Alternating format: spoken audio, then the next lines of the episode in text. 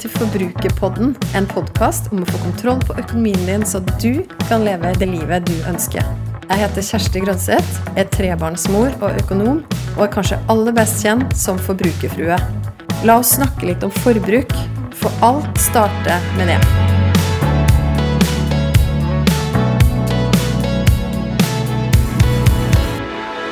Kjære lytter av Forbrukerpodden. Velkommen til ny høst, nye muligheter og aller første episode høsten 2022 av Forbrukerpodden.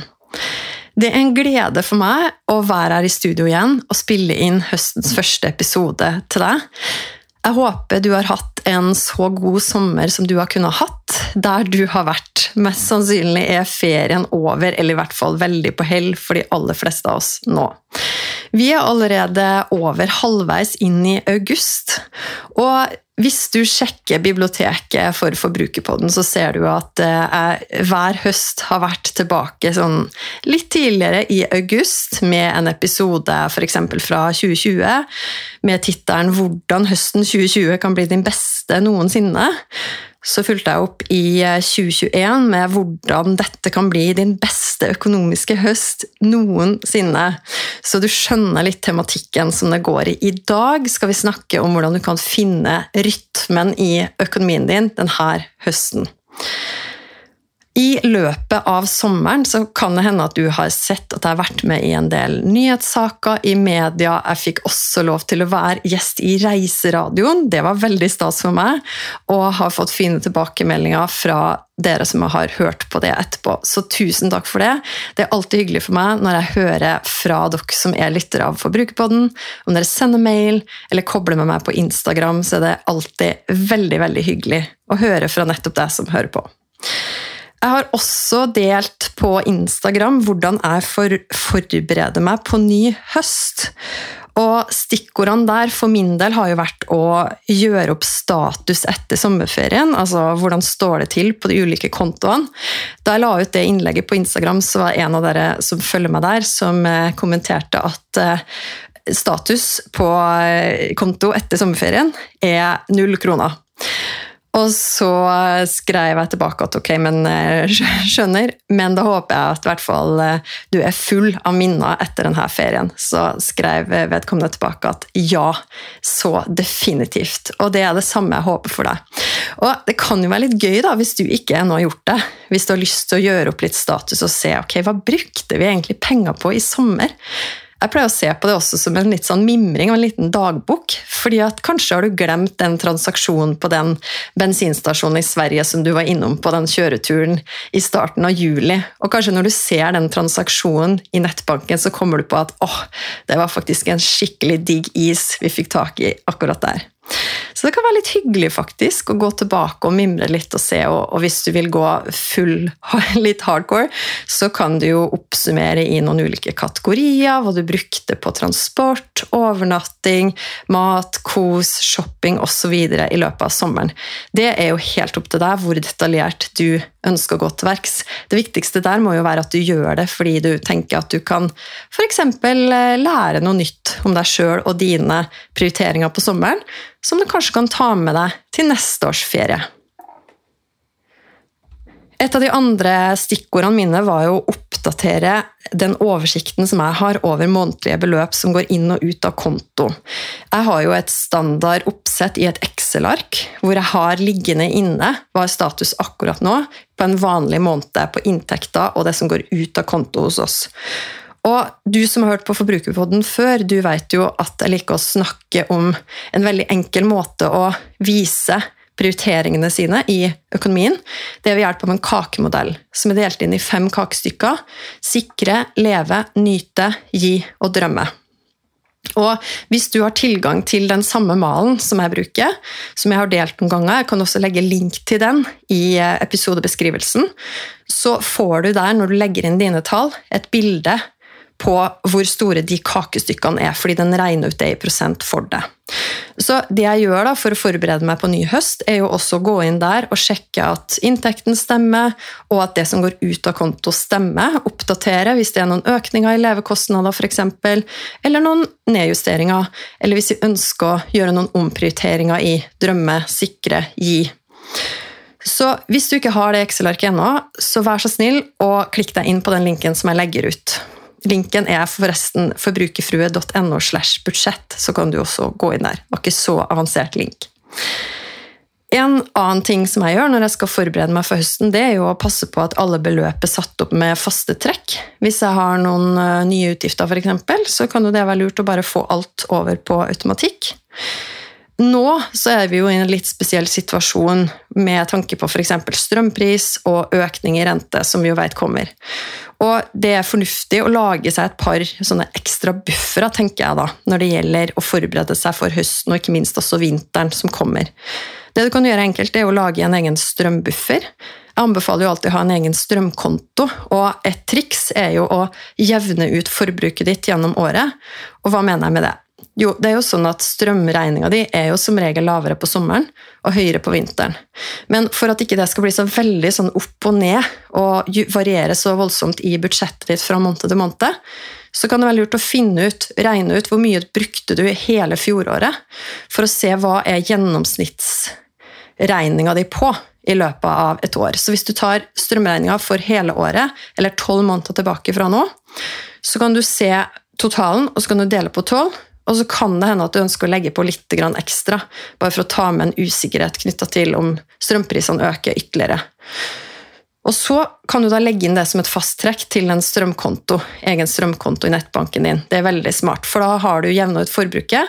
Og det som skjer hvis du begynner med det allerede nå, er at du kommer til å ha litt penger der når vinteren kommer. Fordi snittprisen er mest sannsynlig da høyere enn det du betaler akkurat nå. Så det er lurt. I tillegg så kan det være smart, siden vi har jo ikke så mange måneder nå kanskje å gå på før vinteren kommer og strømprisen går betydelig opp igjen, da kan det være lurt å, putte på litt ekstra på den strømkontoen som en typisk strømbuffer for å være forberedt til vinteren. Når det gjelder rentebuffer, så er det jo litt sånn avhengig av hva du ønsker sjøl, men det kan være smart å i hvert fall regne på ok, La oss si at renta kommer til å gå opp til eh, rundt 4% da, mot sommeren neste år, boliglånsrenta, og at du da regner ut forskjellen på det du betaler i dag, den renta du har, og hva det ville tilsvart med 4% Og så kan du bestemme deg for om du vil lage en buffer der du setter av det beløpet, den forskjellen på en egen sparekonto f.eks., som du da vil ha og kunne ta av. Det er jo En fordel med det er jo at du, du får spart litt, men du får også vent deg til et høyere utgiftsnivå. Men det er litt opp til deg hvordan du også ønsker å forberede deg på renteøkning. Noen putter jo også ekstra penger inn i nedbetale avdrag akkurat nå, eller har gjort det en periode mens renta har vært lav også. Både for å venne seg til at renta kan øke, og at du dermed får høyere månedlige utgifter. Men også for å benytte anledningen da, til å betale ned litt ekstra når renta er lav. Så det er litt opp til deg egentlig hvordan, hva du blir mest motivert av, og hva du syns er best i din situasjon. Men uansett så er det lurt å regne på det. Regn på hva det vil si, hvor mye renta kommer til å er anslått å bli mot neste sommer, minus den renta du har i dag. Og så delte jeg også på Instagram at for å forberede meg på høsten, så bestemmer jeg meg for å forplikte meg på én ny vane. I den episoden som jeg refererte til, som var hvordan høsten 2020 kan bli din beste noensinne, der snakka jeg litt om noe av det samme. Mitt behov for å etablere en vane på å legge meg tidlig. og jeg har faktisk den vanen fortsatt. Den står fortsatt på blokka, det er fortsatt noe jeg jobber med. Og hvorfor er det relevant å snakke om i en økonomipodkast? Jo, for min del så handler det om helheten. For meg så er økonomi det er ikke bare et sånn teknisk fagfelt på sida, men det handler jo om hvordan jeg designer hele livet mitt. Og for at jeg skal fungere optimalt i jobben min og i de prosjektene jeg har ved siden av, med familien min og alle de tingene som jeg ønsker å få ut av mitt liv, så er det jo helt essensielt at jeg finner ut hvordan jeg fungerer best. Og for min del så har jeg et mål nå om å legge meg på et visst tidspunkt for å også kunne stå opp på et gitt tidspunkt. For å ha litt slack på morgenen, men også for å kunne legge inn litt tid til å jobbe med noe av mine prosjekter også på morgenen. Så der har du meg. Og så er jeg jo spent på å høre da, om du også har funnet en sånn ny vane som du har lyst til å ta tak i den høsten her. Da vet du hva du kan gjøre. Hvis du vil dele den med meg, så er det bare å sende meg en mail på hei.forbrukerfrue.no, eller skrive en melding på Instagram. Jeg har så lyst til å koble med deg i løpet av denne høsten her, og derfor vil jeg også veldig varmt anbefale deg å melde deg på nyhetsbrevet mitt. Det er en ukentlig mail som du får fra meg hver torsdag. Du som er på den e-postlista mi. Nyhetsbrev.kjerstigronseth.no. Så her er det altså en ny nettside på gang også. Kommer tilbake til mer informasjon om det etter hvert. Men nyhetsbrev.kjerstigronseth.no. Der kan du melde deg på, og så vil du få et nyhetsbrev som heter Rene ord for penger.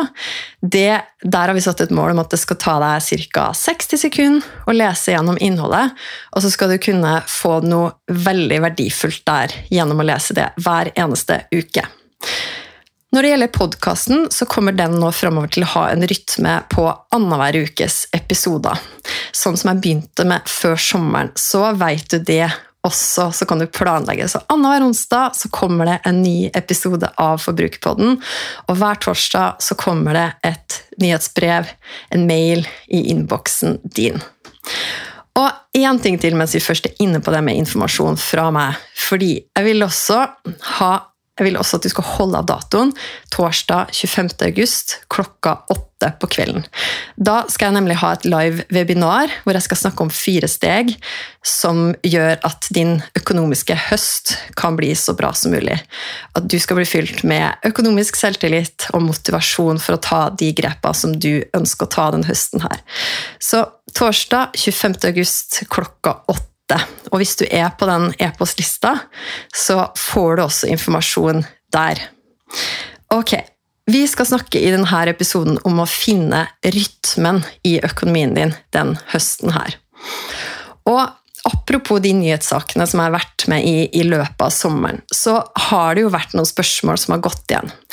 Nemlig det at både det at vi kommer ut av en sommerferie der mange kanskje opplever å ha brukt litt vel mye penger, og mer enn planlagt kanskje, og så går man en høst i møte som i tillegg er prega av økninger i priser og økning generelt i levekostnader. Og da er jo ofte spørsmålet da, hvordan kan man forberede seg på de prisøkningene og kostnadsøkningene som man står overfor. Og det er jeg sikker på at du som hører på Forbrukerpodden, jeg vet at du har mange av de smarte grepene her under huden allerede. Og jeg vet også at du har plukka opp og funnet den podkasten her fordi at du er kanskje litt over gjennomsnittet interessert i økonomi. Og da vet du like godt som meg at det å være god med penger, det krever planlegging, og det krever bevissthet, og det krever kontinuerlig prioritering.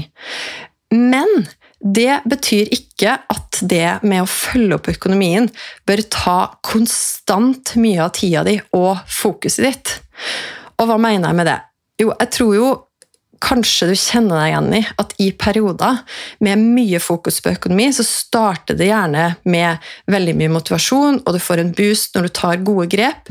Men så er det flere av dere som har sagt til meg at det her kan gå litt til hodet på en også. Spesielt hvis man har hatt mye fokus på det med å spare mye og bruke lite i perioder, så er det noen som har sagt, av dere som har sagt til meg at vet du hva, nå har jeg nesten mista gleden med å bruke penger. Jeg klarer ikke å unne meg ting lenger. Og da, det her vet jo du best, men da kan det jo hende at fokuset på sparing har gått litt for langt. Og Poenget med å ta tak i økonomien, det er jo å gjøre livet ditt bedre i en eller annen form, på en eller annen måte. Enten om det er det å finne ut hvordan du kan ta smarte grep, sånn at du kan bare ha litt mindre stress i hverdagen din knytta til levekostnader, eller du har en helt konkret drøm som du sparer til. Det kan jo være bolig, det kan være å ta permisjon, det kan være å slutte å jobbe. Det vet du, men som handler om hvordan du da i dag kan rigge deg og ta smarte grep i økonomien din for at du skal kunne oppnå din drøm. Men, og hvis du da konstant har fokus på økonomien din, men samtidig ikke opplever at det går i en retning, det er jo da du kan begynne å bli motløs og, og ikke minst miste motivasjon. Så jeg tenker sånn at det er en tid for alt. Og jeg ble også spurt av en journalist om jeg tenker at det er sånn at folk flest, eller enda flere nå, må ta grep i sin egen økonomi. Og da svarte jeg at ja, jeg tror nok det er mange som, hvor det begynner å gå opp for mange nå at ok, det med boligrenta f.eks. Har man høyt boliglån, så vil man merke det på økonomien sin når renta skal opp. Og vi har hatt lange perioder med lave renter, og da er det litt lett å glemme også at det er helt naturlig at renta også vil øke på et tidspunkt. Så det beste der er jo i hvert fall at det ikke begynner å kverne i bakhodet, og så setter det seg i magen som en bekymring, men du må regne på det, som jeg sa i sted, og så finne ut akkurat hva det betyr for deg. Men si at du har fått uh, rydda ut noen av de bekymringene, og du har hatt fokus på økonomien din, som har gjort at du har tatt noen gode grep, og du har også f.eks. spart opp en buffer eller betalt ned dyr gjeld osv., så videre, sånn at du har litt bedre nattesøvn og litt færre bekymringer. Hva da? Altså Neste steg, da, da tenker jeg at det handler om at du finner en rytme i økonomien din. Og det, det, gir veldig mening å noen ganger dykke ordentlig ned og ha liksom fullt fokus på f.eks. For forbruket ditt eller noe annet i økonomien din for å betale ned gjeld, f.eks. Men når du da er ferdig med den, kall det en sprint, da, så er det viktig å finne en rytme der ikke det med økonomi blir, går fra å være et fokus og noe som gir deg mestring og glede i hverdagen, til å bli en besettelse, og der det til slutt blir litt oppslukt og ikke egentlig klare å nyte det som de grepa skal gi deg i økonomien din, nemlig mer rom i hverdagen, og at du får lov til å nå noen drømmer som du har. Men det er som jeg sa, en tid for alt. Det gir mening nå, f.eks. Hvis, hvis du opplever at, du, at mat forbruket ditt har gått litt over styr. Kanskje du kommer ut fra ferien og har brukt veldig masse penger på mat, du har ikke lenger den gode oversikten og kontrollen. Ja, Da gir det mening å kartlegge deg sjøl og forbruket ditt den siste tida. Eller f.eks. å gjøre sånn som mannen min og jeg gjorde eh, en gang for det begynner å bli en del år siden, hvor vi bestemte oss for å virkelig ta vare på alt av kvitteringer en periode, og analysere vårt eget forbruk. Jeg skal ikke heller lenger tilbake til eh, april, før jeg satt og gikk gjennom alle transaksjonene i nettbanken, på matkortet og på eventuelt andre kort som hadde lagt ut for mat, og fant ut da akkurat hvor mye vi hadde brukt i snitt i måneden fra januar til, mars, nei, til april. Og så fant vi ut hvilke grep vi ønska å ta for å få ned det forbruket. Og når jeg får spørsmål om sånne ting som hva tenker du er et normalt forbruk for en familie på med to voksne og to barn, f.eks., så pleier jeg som regel å svare at du kan jo gå til SIFO, altså Statens institutt for forbruksforskning sitt referansebudsjett, som du kan google deg fram til. Fordi der kan du plotte inn hvem du er i din familie, og se på hva er et referansebudsjett for deg i din situasjon. Men som jeg pleier å svare, at det er kanskje enda mer interessant å sammenligne med deg sjøl, og se på hvilke vaner er det du kan endre på for å ja, ikke redusere noe på livskvaliteten din, men rett og slett klare å kutte kostnader. Så hvis det er en stund siden du har gjort det, f.eks. med mat, så anbefaler jeg absolutt å gjøre det. Enten å gå tilbake i nettbanken og se på transaksjoner, eller å bestemme deg fra nå og framover så skal vi ta vare på alle kvitteringer, sånn at du da om en måned kan analysere deg sjøl. Og trenger du hjelp til det, da vet du hvem du kan ta kontakt med. Da er det selvfølgelig bare å skrive en mail eller melding til meg. Men poenget da, for det med å gjøre en sånn dypdykkøvelse i matbudsjettet, er jo å få noe innsikt om deg sjøl. Og så hadde det vært litt tullete hvis den innsikten du fikk, da bare bestemmer deg for ikke å bruke den til noen ting. Så hver gang du gjør en sånn stor gravejobb og får noe innsikt om deg sjøl, så er jo målet at du skal snu det til læring. Og da handler det jo om, ofte om hvilke vaner du har, og hvilke tiltak du bestemmer deg for å sette i verk etter at du har fått den innsikten om deg sjøl. F.eks. den første gangen vi gikk gjennom alle kvitteringer i løpet av en måned, så så vi at oi sann, vi handler mye på søndag, det er dyrt. Det jeg fant ut også i uh, vår, da jeg gjorde den øvelsen, da, var at ok, vi hadde ukeshandla. Et stort beløp ut av konto hver uke, men så var det masse småhandling i tillegg. Det er der det ofte sklir ut for oss, når det sklir ut, det er den småhandlinga. Fordi hvis vi har glemt noe på butikken, i teorien så skal det koste akkurat det samme som om du hadde putta på den varen på ukeshandelen, men det gjør ikke det, vet du. I hvert fall ikke hvis du, går, hvis du er litt som meg og du går fysisk i butikk, for det er alltid et eller annet som frister. Så poenget er at du bruker den innsikten til å lære noe om dine egne vaner, og til å bestemme deg for hva du ønsker å gjøre framover. Kall det gjerne tiltak eller etablere noen nye vaner. Så det gir veldig mening å gå grundig til verks, og så lære, etablere vaner. Men etter det så tror jeg det blir ganske slitsomt hvis du hver eneste måned skal holde på å følge opp forbruket ditt. Så det er litt sånn fullt fokus inn, og så løfte blikket ut. Og så følger du heller opp at du, bruk, at du gjør de vanene som du har bestemt deg for. Det samme gjelder jo også hvis du nå opplever at det er behov for å ta en litt sånn full gjennomgang av økonomien din og se på de aller største utgiftene. Mat kan jo være en stor utgift. Strøm som vi har nevnt, kan være en annen stor utgift. Eller så er det jo også selvfølgelig mye utgifter knytta til bolig. Og det kan også være mye utgifter knytta til transport. Så hvis du går gjennom og gjør en analyse av forbruket ditt, eller hva er det du bruker penger på, ikke bare det forbruket som er litt sånn varierende i, i, fra måned til måned, men også de store, faste utgiftene som du har. Hva er det? Hva er de store tingene? Og så gir det mening å se på da, ok, det der er litt høyere, f.eks. det med transport. Vi bruker mer på bil enn vi kanskje egentlig ønsker å prioritere nå. Ja, men da er det jo å ta den tøffe samtalen da, med hvilke endringer kan vi gjøre igjen i vaner. Og kanskje også må det noen store grep til. Der eh, har jo du som har hørt på Forbrukerpodden før, mest sannsynlig hørt om også vår bildetox som vi gjorde på et tidspunkt, hvor vi bestemte oss for å selge bilen vår, og var faktisk uten bil i et halvt år, og fant da ordentlig ut når er det vi har behov for bil, når er det vi ikke har behov for bil. Og så endte vi med å cashe ut for en billig bil, som en billig elbil, som ikke tar oss veldig langt, men den tar oss dit vi trenger i hverdagen. Og så har vi lagt opp til at vi leier bil i feria, f.eks. Så det lønner seg for oss. Så ta noen sånne dypdykk i store utgifter. Men det her gir heller ikke mening å holde på med hver måned. Men du må finne noen tidspunkt. Det kan være f.eks. nå, ny høst, ypperlig anledning til å gå gjennom, ta et ordentlig dypdykk. Og så kan du kanskje bestemme deg for å gjøre noen sånne ting med jevne mellomrom i løpet av året. Enten på faste tidspunkt gjennom året, eller når du har endringer i inntekter eller utgifter, og må, sånn sett, eller får, får større mulighetsrom gjennom økt inntekt, f.eks. Ja, så finn den rytmen som passer for deg der. Så igjen, fullt fokus på da de utgiftene i det dypdykket. Og så kan du også der etablere noen vaner som er mer langsiktige. En siste ting som handler om at det er en tid for alltid, er jo også jeg har lyst til å nevne det med aksjemarkedet og investering. Fordi jeg vet jo at det er mange av dere som hører på Forbrukerpodden, som har blitt investorer i løpet av de siste åra. Og det, da har du jo lært at ok, penger på bankkonto, særlig med lav rente og høy inflasjon, sånn som det har vært, så spises jo egentlig renta du får på de pengene du har stående der, ganske godt opp av inflasjon.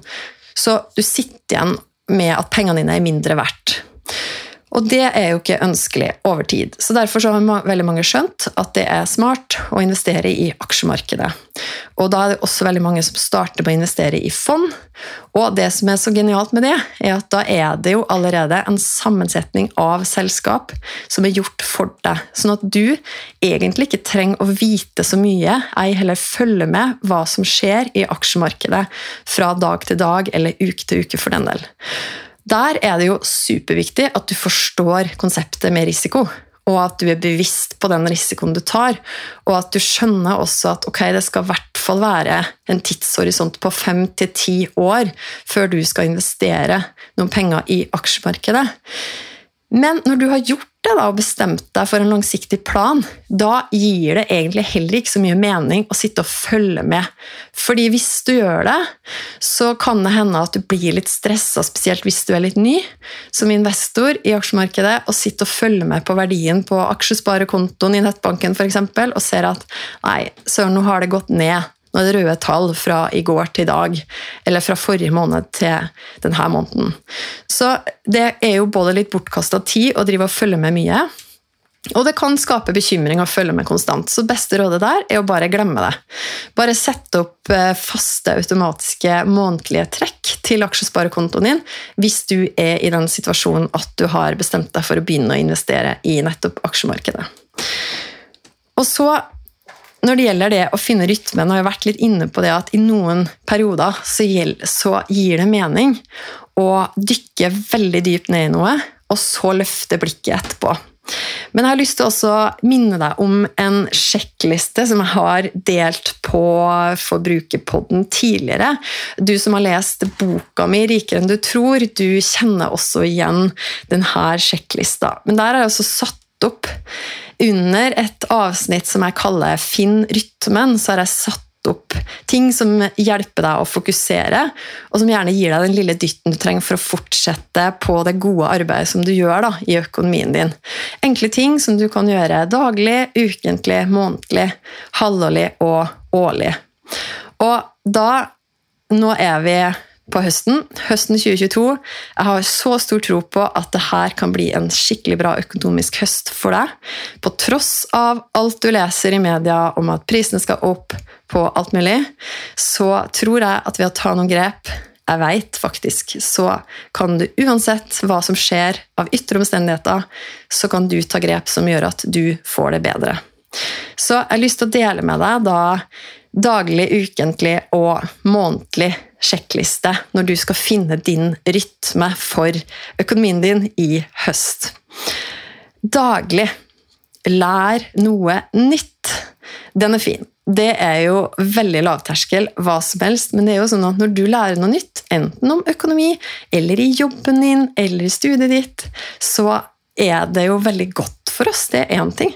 Og så er det jo mest sannsynlig også sånn at det, når du lærer noe nytt, så blir du litt bedre, og så har du litt mer å gi til andre i samtaler eller i jobben din konkret.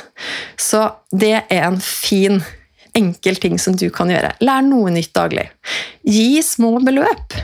Du som har hørt på meg før, vet jo at vel så mye som å spare og ta smarte grep og investere og realisere drømmer, så er jeg også opptatt av å gi av dine penger til andre. Det er selvfølgelig også helt opp til hva du ønsker å prioritere i din økonomi. Men jeg vet, og forskning backer det opp og sier at når vi gir, så flytter vi fokuset over på noen andre, og vi får det også bedre sjøl. Og det vil jo også ha en positiv effekt på den du gir til. Så du kan øve deg da gjennom å gi små beløp. Jeg liker jo ofte å vippse en 50-lapp til en god kaffe til en venninne f.eks., eller du kan vippse en hundrelapp til en blomst på vei hjem fra jobb. Hva som helst. Det er egentlig bare din egen kreativitet som setter begrensningene der. Jeg mener også at du daglig skal bruke pengene dine på noe som gir deg glede. Det kan jo være bitte små beløp, men, eh, men, noe som gir deg noe. Noe som gir deg glede. Feir en annen persons seier. Og hva har det med økonomi å gjøre, da? Jo, det er litt det samme som å gi. At når du flytter fokuset over på noen andre, så får du det bedre, altså. Du får det bedre, og det er jo så hyggelig å være den personen som også blir feira av deg. Så venninna di eller vennen din, familiemedlemmet, er veldig heldig som får deg som personlig heiagjeng, og finn gjerne noen å feire daglig. Skriv ned tre ting som du er takknemlig for. Det er også en veldig fin vane som da gjør noe med hele perspektivet ditt, og det fjerner mye bekymringer hvis du går og kverner på mye ting. Tro meg, det her er helt egen erfart.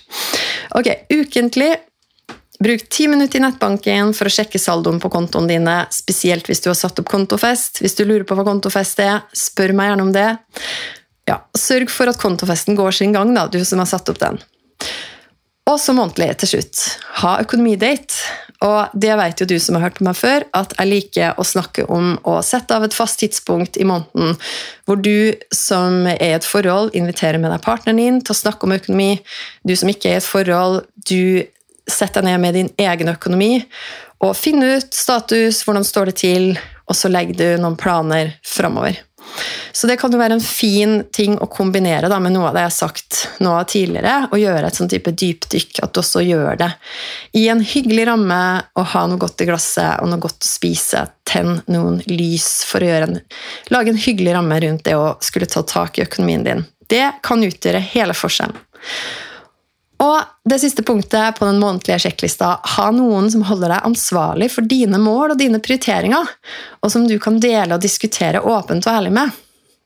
Partner, venn, kollega, helt opp til deg. Jeg har skikkelig tro på å gjøre generelt livet sammen med noen, men også det å gjøre en økonomireise sammen med noen. Og hvis du er et forhold, så er det jo helt topp hvis det kan være partneren din. Hvis du ikke er et forhold eller ikke ønsker å gå den reisen akkurat nå sammen med partneren, så ta gjerne og finn en venn eller en kollega som du snakker bevisst med om økonomi. Det har jeg veldig tro på. Og Apropos det, så skal jeg bare nevne igjen også at det webinaret som jeg skal ha torsdag 25. august, der er det sånn at i tillegg til at jeg skal dele noen bra økonomiske grep som du kan ta den høsten her, så har jeg også en overraskelse til to venner som har meldt seg på den kvelden. Og Hvis du vil ha mer informasjon om det, hvis du ble nysgjerrig nå, så må du gjerne bare sende meg en mail og spørre hva mente du egentlig med det, så skal jeg gi deg mer informasjon. Ok, Min drøm for deg, mitt ønske for deg den høsten her, er at du skal finne nettopp en rytme i din økonomi. At du skal gjøre noen av de punktene som jeg nevnte der på den enkle sjekklista. At du skal bry deg mindre om de store overskriftene i media og det som du kan bli skremt av og bekymra for, og mer om deg sjøl og din egen situasjon og de som er rundt deg det er jo noe du kan kontrollere. Når priser på ting, politikere, beslutninger, dynamikker i verden er noe du definitivt ikke kan kontrollere, så er din egen situasjon, i hvert fall dine grep og hva du ønsker, hvordan du møter de ytre tingene, det er opp til deg. Du har alltid et valg. Så gå ut og finn rytmen. Igjen, ta kontakt med meg hvis du har spørsmål, hvis du har kommentarer og tilbakemeldinger på denne episoden. Og så gleder jeg meg til å koble videre med deg og ta praten på enten innboks, på Instagram eller på e-post. Gå ut og bruk pengene dine på noe som gir deg glede. Jeg vil gjerne vite hva du tenker etter å ha hørt episoden. Så koble med meg på Instagram. Der finner du meg som forbrukerfrue. Send meg en melding. Tagg meg gjerne i Story og del episoden her hvis du likte den, eller send meg spørsmål. Og husk å abonnere på podkasten Forbrukerpodden, så får du beskjed hver gang det kommer en ny episode. Vi høres!